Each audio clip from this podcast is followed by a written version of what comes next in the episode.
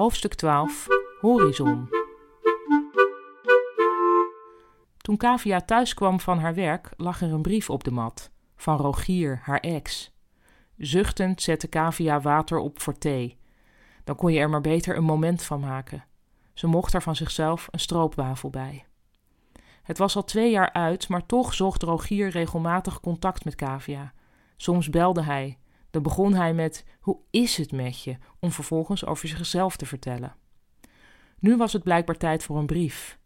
Altijd als hij haar iets te melden had, ging het min of meer over het volgende.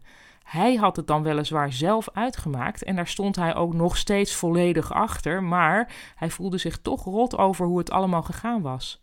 Want ik ben ergens gewoon een ongelofelijke lul geweest, schreef hij dit keer manhaftig. Ik had het eerst netjes met jou moeten uitmaken en daarna pas weer nieuwe horizonnen moeten gaan verkennen. Horizonten, zei Kavia hardop.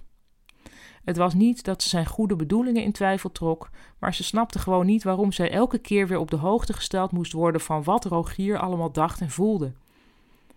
In de brief kwam ook zijn nieuwste vriendin aan bod, Juliette. Je vindt het toch niet erg dat ik over haar vertel, Kaaf? Ik ben je Kaaf niet, dacht Kavia. Juliette vond dat Rogier moest proberen om een vriendschap op te bouwen met Kavia, want het was te puberaal voor woorden om geen contact meer te hebben met je ex. Dan maar puberaal, dacht Kavia en ze deed de brief terug in de envelop. Vervolgens plakte ze de brief dicht met plakband. Duidelijk in haar eigen handschrift schreef ze: Verhuisd, retour afzender. Puberaal, dat wist ze, maar leuk puberaal.